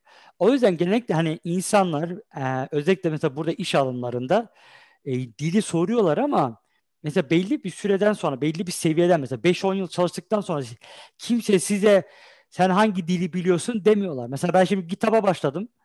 GitHub'da mesela Ruby çok kullanılıyor. Ciddi bir şekilde kullanılıyor. Ee, ve mesela ben yeri geliyor Ruby yazıyorum. Ha, çünkü hani bu benim işim. Hani ben Bana hani ben sadece Go yazacağım diyemiyorsunuz. E, o yüzden hani benim demek istediğim Go'nun avantajları çok ama hani e, elinizin altında bulunsun. Fakat bir yere girdiğiniz zaman hani ben Go yazmak istiyorum yok vesaireyi düşünülmesin. Hani yeri gelir yazarsanız yeri gelir başka bir dil yazarsanız e, ama hani biraz genişler yani başvurabileceğiniz şirketlerin sayısı artar. Çünkü ikna edebilirsiniz. Şimdi mesela genellikle ne oluyor? Birden fazla kişi başvuruyor. Şimdi sizi alabilmesi için şey, şunu söylerseniz hani ben Go'yu da biliyorum ve benim şöyle şöyle projelerim var derseniz direkt mesela o yüzlerce kişinin önüne gelmek hani gel, gelmiş olacaksınız. Yani biraz da şansınızı art, arttırmış olacaksınız. Bu Go diline spesifik mi Fatih abi yoksa belli dillerde mi bunları yapmak güzel? Yani sizin global Go komünitesinde de çok aktif olduğunuzu biliyoruz yani hani e, oldukça ilgilisiniz onunla da. Aha. Yani siz, özellikle Go dilini öğrenmek mi çok faydalıdır yoksa bir herhangi bir dilde ya, çok ya şimdi, olmak mı faydalıdır? E, Şimdi bunu mesela geçen e, şey Bilgem abinin videoları da vardı. Bilgem Çakır'ın YouTube'da arayabilirsiniz. Hani buna T-shape diyorlar. Hani belli bir konuda uzman olun ama birçok konuda da bilgi sahibi olun. Hani onlara da erişebiliniz diye. Hani burada Go e, uzmanlık alanı gibi düşünebilirsiniz. E, hani bunu bilmeniz şu anki e, bu yıllarda fayda olabilir. Ama bu herhangi bir dil için de geçerli Hikmet. Yani soruna gelirsek. Yani illa Go olmak zorunda değil. Atıyorum mesela mobil development yapacaksanız Go sizin hiçbir işinize yaramaz. Yani e, hiçbir şey yapamazsınız. O zaman ne yapacaksınız? Ya işte Swift öğreneceksiniz. E, işte Objective-C belki gerekmeyebilir de. Ya da işte Android işte Kotlin'i öğreneceksiniz. Ya da işte e, Dart öğreneceksiniz işte e, Flutter falan yazmak için. E, hani tamamen ayrı bir dünya değil mi orası? Şimdi orada ben oradaki bir insana gidip de hani Go öğrenin demek yanlış olur. E, hani hedefiniz doğrultusunda mesela ben backend işte cloud'da çalışmak istiyorum. Ben cloud şirketlerine çalışmak istiyorum. AWS olur, Google Cloud olur, Azure olur, Microsoft olur vesaire, DigitalOcean işte bu GitHub gibi böyle teknoloji şirketlerine çalışmak istiyorum dediğiniz zaman Go'nun avantajı çok burada. Ama işte başka alanlar atıyorum mesela oyun programcılığı. Şimdi mesela oyun dünyasında Go'nun çok az yeri var. Çünkü Go bir hani garbage collector kullanıyor. Hani Go'nun e, real time performansı hiçbir zaman garbage collector'ı olmayan bir dile göre e, aynı olmayacak. Mesela hani orada garbage collector olmadığı bir dil kullanmak zorundasınız. Yani latency olmaması lazım oyunlar içinde. Hani orada gidip de Go kullanmak istiyorum dediğiniz zaman bir işinize yaramayabilir. Ama ne olabilir belki? Mesela Rust diye bir dil var. Ee, e, çok low level işler yapabiliyorsunuz. Gayet güzel bir dil. Mesela şu an GitHub'da bile bazı yerlerde kullanmaya başladık biz. Hani ben yazmıyorum ama kullanan ekipler var. Amazon'da kullanılmaya başladı. Microsoft içinde Rust kullanılmaya başladı. Ee, hani bu da güzel bir şey. Ee, belli dönemler için yani insanlar mesela Rust seviyorsanız öğrenebilirsiniz. Yani her zaman bir avantaj olur. Ya bunu şey gibi düşünmek lazım. Ee, şirkete başlıyorsunuz hani artık İngilizce biliyor musunuz diye bir soru sormuyorlar değil mi? Niye? Çünkü herkes biliyor. Yani size bu diller, yani bu paradigmalar size şansınızı arttırır. Yani şunu unutmamak lazım. Bir şirkete girme e, hedefi hiçbir zaman sizin yani sizin bilginiz bir yere kadar tamam mı? Ondan sonraki yüzde elli şans. Şimdi biz bu yüzde elli şansı ne yapmak istiyoruz? Azaltmak istiyoruz. Tamam mı? O yüzden de ne kadar çok azaltabilirsek o kadar iyi bizim için. Go bilirsin, Rust bilirsin ya da işte e, distributed sistemlerde bilgin vardır. İşte bu bazı protokolleri çok iyi biliyorsundur. E, işte Raft var, Paxos var. Bunları iyi biliyorsundur. Ya da işte ne bileyim konteynerleri iyi biliyorsunuzdur. Yani teknoloji anlamı ya da işte Linux'ta bu işte C Group namespace yine konteynerlerle ilgili ama bazı teknolojileri iyi biliyorsunuzdur. Bunlar her zaman size bir avantaj, bir avantaj. Yani o şansınızı e, azaltmış oluyorsunuz. Evet, ben de katılıyorum buna. Ee, arkadaşlar aynı zamanda geri bildirim formlarımızı doldurursanız çok seviniriz. YouTube chatten paylaşıyoruz. Ee, yayınlarımızı daha da geliştirmeye çalışıyoruz. Fatih bir şey sormak istiyorum. Mesela kar- karar verdik ki Go öğrenmek istiyoruz. Bunun için ilk kaynak ne olmalı sizce? Bir kitap alıp e, Go'yu oradan mı öğrenmeliyiz? Bir proje yapmaya mı çalışmalıyız? Udemy veya benzeri sitelerden eğitimler mi izlemeliyiz? Ya bence e, orada da hani herkesin öğrenme şekli farklı. Ben mesela video izleyerek öğrenen bir insan değilim. E, ben kitap okumam lazım, makale okumam lazım, blog yazısı okumam lazım. Ben ben böyle bir insanım. Bazı insanlar ama görsel insanı görmek istiyor, anlatması gerekiyor. O tarz insanlar video izlemesi lazım. Ee, hani Udemy'de var böyle bir iki tane gayet güzel. Onları izleyebilirler. Kitap olarak Go'nun The Go Programming Language diye bir tane kitap var. Ee, gayet güzel. Ee, Alan e, Donovan e, yazarı. Hatta yazarlardan bir tanesi de Brian Kanigan galiba. E, çok meşhur bir biri zaten. E, hani bilenler bilir. E, kitap olarak onu tavsiye ederim. Video olarak çok bilmiyorum. E, çok var. Udemy'de kampanyalar oluyor. Hani insanlar oraya biraz daha yönelebiliyor. E, hani ama nasıl öğrenilmesi gerekiyor? Bence e, biraz insanın hani şimdi bak bunu herkes çok yapıyor. Kitap alıp okuyorsunuz. Tamam mı? Yani okuyoruz ya da. Ondan sonra hani ben Go öğrendim. Böyle bir şey yok. Ee, bir proje yapmanız gerekiyor tamam mı? Yoksa unutulup gidiyor. İstediğiniz kadar oturun video izleyin. İzlediğiniz zaman pasif kalıyor. Orada bir involvement yazarı hani involvement olması lazım tamam mı? Girmeniz gerekiyor için içine. Ee, yapmadığınız zaman yani şimdi şöyle söyleyeyim. Mesela bir yıl önce izlediğiniz bir tane filmin içeriğini anlat desem kaç kişi anlatabilir? Hani böyle çerezlik filmler olur ya izlersiniz. O gün gülmüşsünüzdür belki kimse bir şey diyemez değil mi? Çünkü belki yüzlerce film e, izlediniz. Yani çoğunu anlatamayabilirsin ama işte aynısı da burada da oluyor. Öğreniyorsunuz. O an mesela aa ne güzel, çok güzel işte hash map'ler bilmem neler işte go rutinler falan çok güzel. Yapıyorsunuz. Ondan sonra aradan bir iki hafta geçiyor, üç hafta geçiyor. Bitti. Unutuyorsunuz. Niye? Hani onunla ilgili bir şey yapmıyorsunuz çünkü hani. Yani bu kitap okursanız da video izlerseniz de aynısı. O yüzden de bir projeye başlamak gerekiyor. Şimdi genellikle insanların en çok zorlandığı şey bu. Hani ne projesi? Ne yapabilirim? Benim de orada iki tane hani önerim olacak. Birincisi e, kendi seveceğiniz, kendi sorununuzu çözen bir şey yapın. Yani sizin bir sıkıntınız varsa ya da hani programlama ile ilgili şeyseniz e, haşır neşirseniz Ondan sonra hani onunla ilgili bir şey yapın ya da daha önce yapılmış bir tane web sitenin ya da bir API varsa e, onu yazmaya başlayın. Mesela Go ile yazılmış atıyorum mesela diyelim ki Go öğreniyorsunuz. Java ile yazılmış çok ünlü bir tane kütüphane var. Herkes kullanıyor. Onu mesela Go ile yazmaya başlayın. Yani orada maksat öğrenmek, hani elinizi kirletmek, biraz da işte o beyninin belli kısımlarını aktif hale getirmek. Ben buna yani. kesinlikle katılıyorum proje yaparak öğrenme kısmına. Çünkü hem daha zevkli bir öğrenme süreci yaşıyorsunuz. Hem de aslında okuyarak veya izleyerek öğrenmeyeceğiniz pek çok yeri keşfediyorsunuz. Farklı Medium blokları, farklı işte Stack Overflow'dan farklı şeyler okuyorsunuz.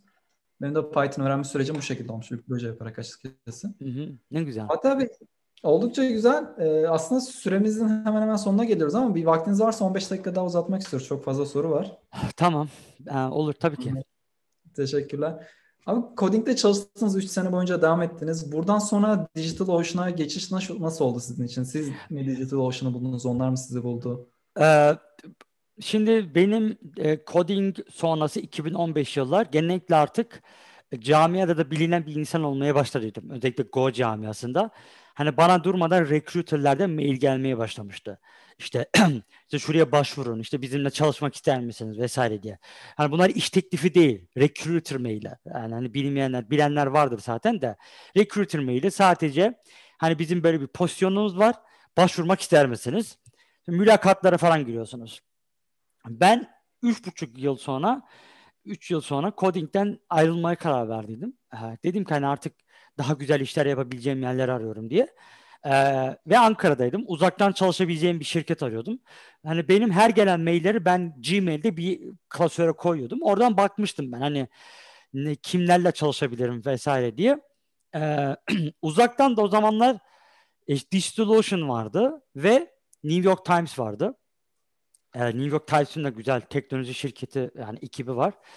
E, ikisinde de konuştuydum, mail attıydım. Hani demiştim konulara, hani e, siz bana mail atmıştınız. E, ben şimdi çalışmak istiyorum. E, uygun musunuz vesaire diye. Onlar da geri döndüler. Sonra onlarla konuştuk vesaire.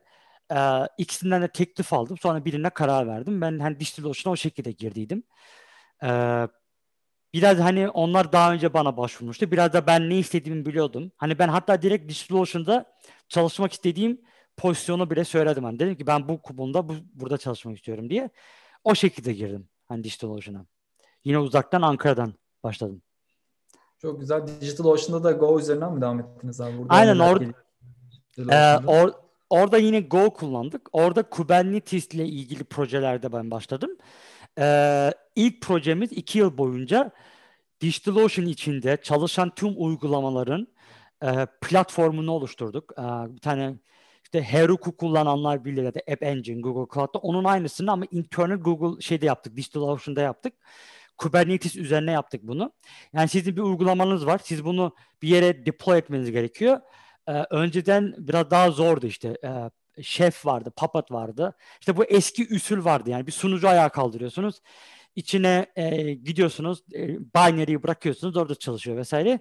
Bildiğiniz gibi bunlar değişti. Bu paradigmalar değişti. Artık her şey konteynerlere içine oluyor. Uygulamanızı konteynerin içine koyuyorsunuz. Sonra o konteyneri yüzlerce makine var e, gidip birine deploy ediyorsunuz. Ama bunu siz kendiniz yapmıyorsunuz. Kubernetes gibi teknolojiler kullanıyorsunuz. E, iki yıl boyunca DOCC adı altında e, bir tane platform oluşturduk. O kurucu ekibindeyim ben o ekibin. E, ekibin kurucu üyelerinden biriydim. E, ondan sonra da iki yıl sonra e, onu yaptıktan sonra Kubernetes'i e, başkaları da kullanabilsin kolay bir şekilde diye Managed Kubernetes servisi var DigitalOcean'da. Onun üzerinde çalıştım. Onu da ilk kuran ekipte ben vardım. İki yıl boyunca da onun üzerinde çalıştık. E, şimdi mesela DigitalOcean'a gidip de Kubernetes cluster'ı kurmak istediğiniz zaman e, e, bunu yapabiliyorsunuz. E, normalde bunu işten nasıl oluyor onu da söyleyeyim. E, Kubernetes kurmak ve Kubernetes'i manage etmek, yönetmek çok zor. Yani gerçekten e, zaman alan bir şey, bilgi alan bir şey. Ve hani çoğu e, şirket bunu istemiyor. Şirketler şunu istiyor. Ben Kubernetes kullanmak istiyorum ama başkaları manage etsin. Başkaları e, bunları yönetsin. Ben sadece hani uygulamamı yükleyeyim oralara. E, işte böyle bir şey. Yani DigitalOcean'da 4 yıl 4 yıla yakın bu şekilde çalıştım. E, hala da yaptığım işler e, yani on, devam ediyor, kullanılıyor başkaları tarafından. O içerideki DOCC'yi de e, hala kullanıyorum. Yani arkadaşlarım var onlarla konuşuyorum. E, o bayağı güzel işler yaptık ya orada. Hani bayağı ben güzel ayrıldım öyle söyleyeyim. Bu hoş bir şey. Aynı zamanda sizin yaptığınız yani kendi yaptığınız emek verdiğiniz işin gerçek hayatta da kullanıldığını görmek, insanların kullanması, beğenmesi bu da oldukça güzel. E, DigitalOcean'dan GitHub'a geçiş süreci nasıl oldu abi? GitHub'da yani DigitalOcean'da oldukça güzel bir iş yapıyormuşsunuz anladığım kadarıyla hem de mutluymuşsunuz gibi. Yani şöyle bir şey oldu. DigitalOcean'da hala mutluydum aslında. Hani ben DigitalOcean'dan ayrılma sebebi ben hani şirketi sevmedim ya da kötü zaten öyle bir şey olmadı. Çok iyi ayrıldık. Hatta hani ayrılırken de şey dediler hani her zaman kapı açık tekrar gelmek istersen hani söylemen yeterli vesaire. Zaten genellikle büyük şirketlerde böyle oluyor. Yani herkese de tavsiye tavsiyem bu güzel ayrılın. Hani kimseyle kötü ayrılmanıza gerekmiyor. Ee, yani biz 2000 18'in sonunda 2000 yani şey um, 2019'da başlarında şeye karar verdik işimle. Hani biz yurt dışında bir yaşayalım dedik. Nedir ne değildir vesaire diye. O zamanlar Ankara'daydık. Benim de H1B vizem vardı. H1B vizesi e, Amerika'da işte sizin çalışmanızı sağlayacak çalışma vizesi. Yani onunla birlikte çalışabiliyorsunuz. E, şimdi şöyle bir şey vardı. DigitalOcean'ın bu işte San Francisco Bay Area'da ofisi yoktu. Yani New York'ta vardı. Ee, yani ben doğrudan DigitalOcean adı altında da gelebilirdim. Fakat şey düşündüm hani 4 yılın geçtiydi daha böyle büyük şirketlerde daha farklı tecrübeler kazanabilirim diye düşünmüştüm. O yüzden de birden fazla şirketlerle görüşmeye başladıydım 2019'un başında. Ee, işte Google'la görüştüydüm. Ee, Lyft'le görüştüm. Fastly vardı. Ee, Airbnb vardı. Ee, VMware vardı. GitHub vardı. Bunların hepsiyle aynı anda görüştüm. Ee, bir iki yerden teklif aldım. Ondan sonra e, en sonunda GitHub'ı seçtim. GitHub'ı seçme amacım da çünkü benim burada kariyer anlamda daha güzel işler yapabileceğimi düşündüğüm için seçtim. Ee, hani derler ya hani büyük şirketlerde küçük e, vida hani bunun bir İngilizce şeyi var hani büyük şirketlerde hani küçük şey yapmak yerine biraz daha orta ölçekli küçük şirketlerde büyük işler yapmak olayına döndü orada. Hani GitHub'da mesela Google'a göre görece biraz daha küçük ama aynı zamanda Microsoft çalışanıyım. Hani Microsoft çalışanı olarak gidiyorsunuz işe. Böyle de bir değişik bir şeyin yapısı vardı. Hani dünyada böyle çok olmuyor genellikle. Ee, o açıdan o benim çok hoşuma gitti. Yine Türkiye'den çalışabilecektim istediğim zaman. Hani e, büyük şirketlerin öyle bir dezavantajı vardı. E, hani mesela Google'a ya da VMware'e falan girdiğiniz zaman sizin e, VMware'de değişti galiba o da. E, evet. Büyük şirketler şey diyordu hani e, ofise girmeniz gerekiyor. Mesela GitHub'da öyle bir şey yok mesela. GitHub'da ben hani mülakat döneminde VP ile konuşurken şey dedi. Fatih sen istediğin zaman Türkiye'ye gidebilirsin. Aylarca oradan çalışabilirsin. Biz çok rahatız. Ofise gelmek zorunda değilsin. Türkiye hani orada olsan bile istediğin zaman gelip gidebilirsin falan. Bu esneklik e, bu esnekliği ben çok istiyordum. Hani ailemle birlikte gidiyordum. E, hani biraz da ilk o ilk zamanlarda böyle bir şey istemiştim açıkçası. Ee, ve GitHub'daki de iş de güzeldi. Yani GitHub'da Go ile ilgili e, hemen hemen her şey e, yani bunlarla ilgilenmek benim takımım ya da ben ilgileniyorum. Yani ben Go'nun internal tech lead'i olmuştum GitHub'da. Yani mesela bir insan ya da bir proje, bir takım Go ile ilgili bir şey yazması gerektiğinde ya da bir şeyler yapması gerektiğinde yani bir yerler deploy edilecek. Nasıl deploy edilecek? Ne kullanılması gerekiyor? e, ne library'si gerekiyor ya da mesela bir yerlerde sorunlar var. Bunlar nasıl çözülmesi gerekiyor? Bunların her şeyiyle ben ilgileniyordum. Yani ben sadece bir takıma bağlı değildim. Ben birden fazla takıma e, ilgileniyordum yani. Onlara yardım ediyordum. Ya benim Yardımcı buradaki olabilir. aynen e, benim buradaki yani impact'im çok çok daha fazla. E, yani yani böyle bir imkanım varken de bunu hani gerçekten kullanmak istedim. O yüzden GitHub'ı seçtim. Hani biraz daha artık hani burada şeyler oluyor. Mesela e, junior işte mid engineer işte e, e, sonra senior oluyor işte senior'ın da bir ikisi falan var. Sonra staff engineer işte staff'tan sonra senior staff, principal, distinguished diye böyle gidiyor. Engineering trackleri. Benim bu işimde biraz daha hani senior'ın sonu staff engineer seviyesinde olduğu için de istedim. Hani staff engineer'ler biraz daha sadece tek takım değil de birden fazla takımlarla ilgileniyorlar. Hani biraz daha e, üst düzey bir iş oluyor.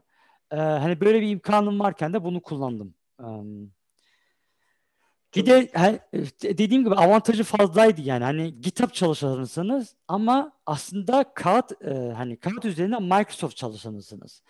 Yani bu büyük şirketin verdiği güvenç var, yani güven var. Onun sağladığı imkanlar var. Ama aynı zamanda bir startup kültürünün içinde yaşıyorsunuz. Yani e, bu büyük şirketlerin e, bürokrasi işleriyle ilgilenmiyorsunuz yani. E, yani bu, bu ortamı bulmak gerçekten kolay değil. Yani bu böyle bir ortam varken de hani kullanmamak e, şey olurdu. Kullandım ben de. Katılıyorum kesinlikle. Yani büyük şirketlerin oldukça güzel avantajları oluyor bu konuda. Hatta birkaç tane e, benzer soru gelmiş ben hep sormak istiyorum. Siz ilk coding'e başladığınızda veya dijital oyununa çalıştığınız zaman hiç kimse sizin hangi üniversiteden mezun olduğunuzu sormuş muydu veya bu üniversitenin abet denkli olup olmamasının bir önemi var mıydı? Yani böyle bir Aa, yanlış bir algı var onu. Yok. Evet. Bak yani hiç kimse sormadı. Nerede mezun olduğunuzu. Aa, ortalamamı soran olmadı. Ne iş yapıyorsunuz sormadı. Yani bunlar genellikle belli bir e, seviyeden sonra zaten sormuyorlar. Hatta Google bile şey dedi hani biz artık üniversite e, mezuniyeti aramıyoruz. Yani bir konuda iyiseniz bunları self talk diyorlar. Yani kendi kendine öğreten insanlar. Hani bu işleri öğrendiyseniz e, demek ki bu insan e, buraya girdiği zaman kendi başına da öğrenebilecek. Aslında bu tarz insanlar biraz daha avantajlı oluyor büyük şirketler için. Ama sözlerim kesinlikle şu olarak anlaşılmasın. Üniversite gerekmiyor diye anlaşılmasın. Çünkü şurada çok önemli bir detay var. H1B vizesi için mesela Amerika Birleşik Devletleri üniversite mezuniyeti istiyor. Diyor ki üniversite mezunu, mezunu değilseniz H1B'ye başvururken mesela e, zorluklar çıkartıyor. İşte belli bir yıl tecrübe istiyor. E, mesela sadece Amerika hani Birleşik Devletleri için değil. Kanada için, Japonya için böyle bazı ülkeler, Almanya için var mı bilmiyorum. E, vizeye başvururken sizin üniversite mezuniyetinin bir önemi kazanıyor. E, şu, bu, bu konu çok çünkü Twitter'da da çok konuşuluyor bazen. Şimdi mesela insanlar şöyle yapıyor. Üniversite okumuyor. Bir yerlere geliyor. Başarılı oluyor. Hani bunu diyor ki işte ben yaptım siz de yapabilirsiniz. Yani herkesi gaza getiriyorlar. Tamam mı? Ama bir yandan da şöyle de bir şey var. Üniversite mezunu e, bir yerlere gelmiş. Diyor ki hani ben üniversite mezunu olduğum için geldim. O yüzden gerekli. Yani şimdi bu ikisi de yanlış bana sorarsan.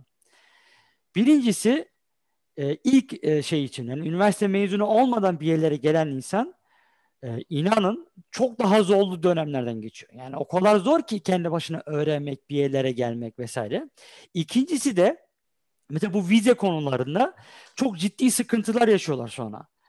Ee, mesela Amerika'ya yaşamak gitmek istiyor. Oraya gitmek yani Amerika'ya yaşamaya gelmek istiyor ama işte üniversite mezunu olmadığı için gelemiyor. Ee, tamam bu ilk kamp bu şekilde. İkinci kamp içinde e, üniversiteye o kadar çok önlem hani e, katınca bir süre sonra e, biraz da kopuyorsunuz. Yani hani biraz daha o her şey teorik olduğunu düşünüyorsunuz. İnsanlar mesela mülakatlarda biraz daha pratik şeyler soruyor. Biraz daha tecrübelere dayanarak söylüyorlar. Ee, mesela bununla ilgili benim hani söylememe de gerek yok. Mesela Reddit'te, Hacker News'ta bir sürü var. Hani yazsınlar mesela. Adam mesela PhD mezunu. Doktora da yapmış.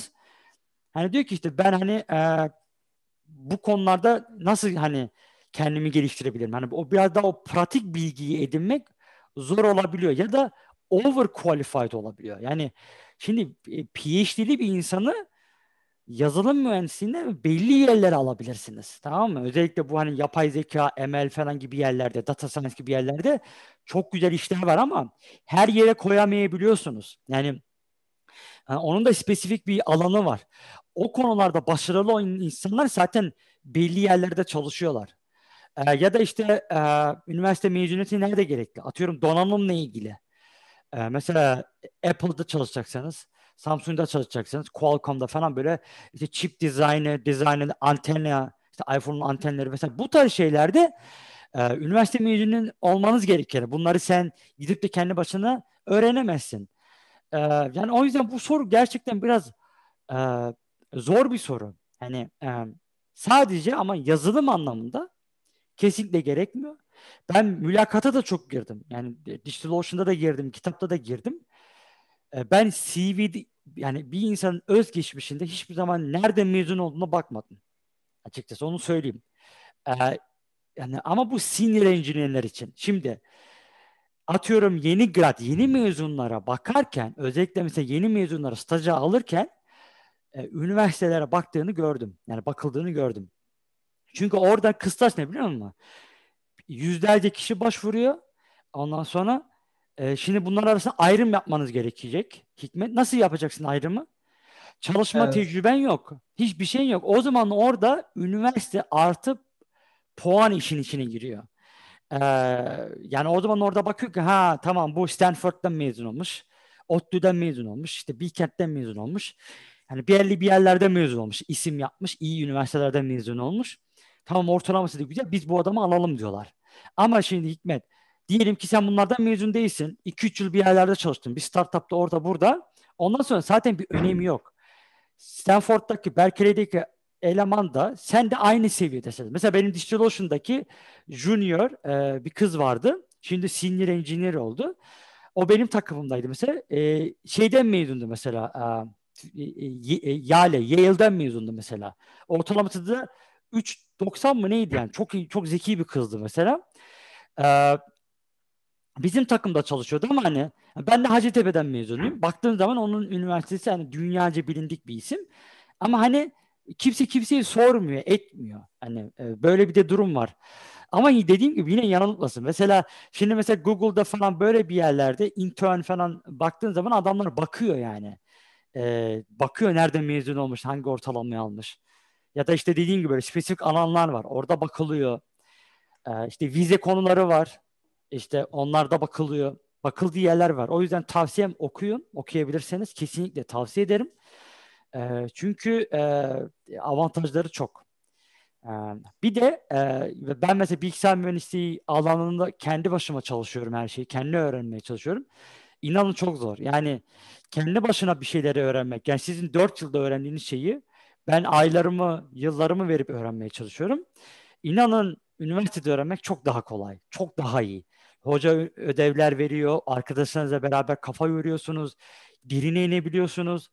Ee, daha kafanı genç yaştasınız. Kafanız daha iyi çalışıyor evli değilsiniz çocuğunuz yok ya olabilir fark etmez. Hani mesela ileride bunların mesela benim iki tane çocuğum var ben vakit bulamıyorum artık mesela onlardan onlar yüzünden. Hani e, böyle şeyler de oluyor. Biz de genel olarak duyduğumuz genelde böyle ilk işinizi bulurken veya staj ararken e, üniversite nerede okudunuz veya mezuniyetiniz önem kazanıyor ama ondan sonra daha tecrübe kazandıkça artık iş tecrübeleriniz hani nerede nasıl işler yaptınız bunlar önem kazanıyor. Ee, Fatih abi çok teşekkür ederiz. Böyle kapatmadan önce genel olarak şeyi sormak istiyorum. Böyle bir balkon konuşması yapmak gerekirse genel olarak Türk gençlerine neler tavsiye edersin? Sizin yolunuzda ilerlemek isteyen, benzer işler yapmak isteyen. Ee, yani e, ben şunu gördüm ilk önce şunu söyleyeyim. Gerçekten bizim Türkiye'deki eğitim sistemi, üniversitedeki belli başlı üniversitelerin e, gerçekten çok iyi e, hani bugün Hacettepe, Bilkent, ODTÜ ya da olmasın yani bazı işte başka üniversitelerde de Anadolu üniversitelerinde de e, orada mühendisler mezun olduklarında hepsi çok iyiler. Yani mesela oradaki herhangi birini alsak burada bir şirkete başlasak hiçbir sıkıntı yok. Yani o konuda e, bunu bir söylüyorum çünkü şey düşünmesinler. Yani onlar öyle üniversitelere gidiyor oradaki bizden çok daha şey öğrenmiş alakası yok. Ben eğitimimizi çok sevdim eğitimin çok iyi olduğunu düşünüyorum. Bunu neden söylüyorum? Çünkü yani bu global arenada yani gerçekten bir şeyler yapabilecek kapasitesiniz. Yani bunu e, e, sadece etrafa baktığınızda görebilirsiniz. E, ikincisi e, herkesin yolu farklıdır. Yani mesela benim hikayem bu şekildeydi. Ben staj yaptım, elektronik okudum, buralara geçtim, işte o şirketler değiştirdim vesaire vesaire. Ama hani herkes böyle yoldan geçmek zorunda değil.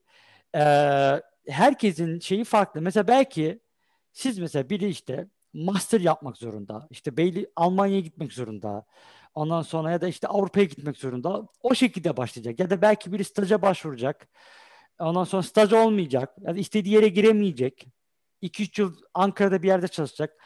Ee, hani şey diye düşünmesiniz. Hani burada böyle bir formül yok. Ee, e, ve genellikle şans çok var burada. Ee, şans herkes çok kaçırıyor. Ee, yani şans neden var onu söyleyeyim. Ee, ben hani mülakatlara girdim. Digital Ocean'da çok gördüm mü? Çok iyi mühendisler, çok iyi CV'ler. Adamı tam alacağız mesela ya da adamı diyorum da e, kadını alacağız ya da hani şey söylemeyeyim yani bireyi alacağız. O an mesela e, bizim mesela VP'lerden, direktörlerden şey geliyor. İşte biz Fatih dört kişi alacaktık. Sadece bir kişi alabiliriz diyecekler diyor mesela. Sonra ne oluyor mesela? Biz o kişiye red yolluyoruz. Şimdi mesela o kişi şimdi şunu düşünüyor. Allah ben bu iş için doğru insan değil miyim? Ya da işte hani o kadar çalıştık, o kadar okuduk. Her şey boşa mıydı? Tamam mı? Yani bunu niye söylüyorum? Bak moral bozulmasın gerçekten sizin istediğiniz kadar iyi olun. O kadar çok farklı şeyler dönüyor ki arka planda. Yani aklınız ucunuza bile gelmeyecek şeyler var. O yüzden mülakatların yani bu e, interview süreçlerinin yüzde elli şans olduğunu unutmayın. Bazı insanlar bazı insanlardan daha fazla şanslı olacak tamam mı? Yani e, bu hani moral bozmasın diye söylemiyorum. Sadece şunun için söylüyorum baş, biri olmazsa ikincisine deneyeceksiniz. İkincisi olmazsa üçüncüsünü deneyeceksiniz. Yani şansınızı arttırmanız gerekiyor. Ee, yani yapabilirsiniz. Herkes yapabilir bazı şeyleri. e, e, hani sadece hani moraliniz bozulmasın. E, yani benim mesela bu interview süreçlerinde de gördüm. Yani o kadar çok şeyler oldu ki. Mesela ben Lyft'e başvurdum. E, işte Uber, Lyft bunlar aynı güzel şirketler. Ondan sonra e, Lyft mesela son aşamaya geldik. Sonra dediler ki biz sizinle devam etmeyeceğiz dediler. Sonra mesela e, sordum ben nedir ne değildir diye. İşte beğenmemişler vesaire. Okey dedim. Yapacak bir şey yok dedim. Ondan sonra Google'dan okey geldi. GitHub'dan okey geldi. Dedim ki hmm, demek ki onlar bilmiyor falan dedim. Ama mesela geçen 2-3 hafta önce bana Lyft'ten mail geldi. Tekrar dediler ki işte Fatih bu pozisyon için özellikle senin gibi birini arıyoruz. Yani o kadar çok şeyler oluyor ki belki mesela karşı taraf o zamanlar beni almayabilirdi. Yani belki şeyleri yoktu. Mesela Lyft'in belki de hiring kotası dolmuştu. Alamayacaklardı. Yani e, yani neyin ne olacağını bilmiyorsunuz Hikmet. Yani bir, bir, bir başlıyorsunuz sonra ertesi zaman başka şey oluyor. E, bir sonraki yıl başka bir e, önünüze bir olanak e, çıkıyor tamam mı? E, yani e, bence burada en önemli şey ne istediğinizi bileceksiniz. Ee, Buna... Bu çok çok önemli. Tamam mı? Yani. Bu dediğiniz gibi çok farklı sebeplerle insanlar mülakatlardan elenebiliyor. Ee, bu çok fazla insanın başına da geliyor. Yeni yeni şirketlerin pozisyonları açılıyor. Ee, elenen arkadaşlar dediğiniz gibi acaba sorun bende miydi veya acaba neyi yanlış yaptım da kötü geçti mülakat diye düşünebiliyor ama arka planda anlattığınız gibi çok farklı şeyler olabiliyor. O yüzden e, şans önemli bir faktör oynuyor. Şansı arttırmak için de olabildiğince yere başvurmak gerekiyor. Aynen. Bizim de bir e, Silikon Vadisi şirketlerinde çalışmak isteyen arkadaşlar için yaptığımız bir program var DPETS adı, adı altında. Bildiğiniz üzere bu şirketlerde çok ciddi bir teknik mülakat süreçleri gerçekleştiriliyor. Bunlara hazırlık sağlamak adına bir DPETS adında hazırlık programımız var. Başvuru da 9 Ekim'de son olacak. O yüzden son 5 gün. Eğer böyle bir amacınız varsa staj veya full time olarak programa başvurabilirsiniz. Oldukça yardımcı oluyoruz. Ee, aynı şekilde geri bildirim formunuzu doldurmayı lütfen unutmayın. Spotify podcastlerimizde 24 saat içerisinde çıkıyoruz YouTube'dan sonra.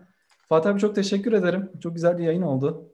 Ben teşekkür ederim. Beni davet ettiğiniz için. Cidden oldukça öğretici geçtiğini düşünüyorum. İnsanlar da faydalanmıştır. Ee, insan haftaya görüşene kadar artık. Hoşçakalın. Herkese görüşmek üzere. Bay bay. Görüşürüz.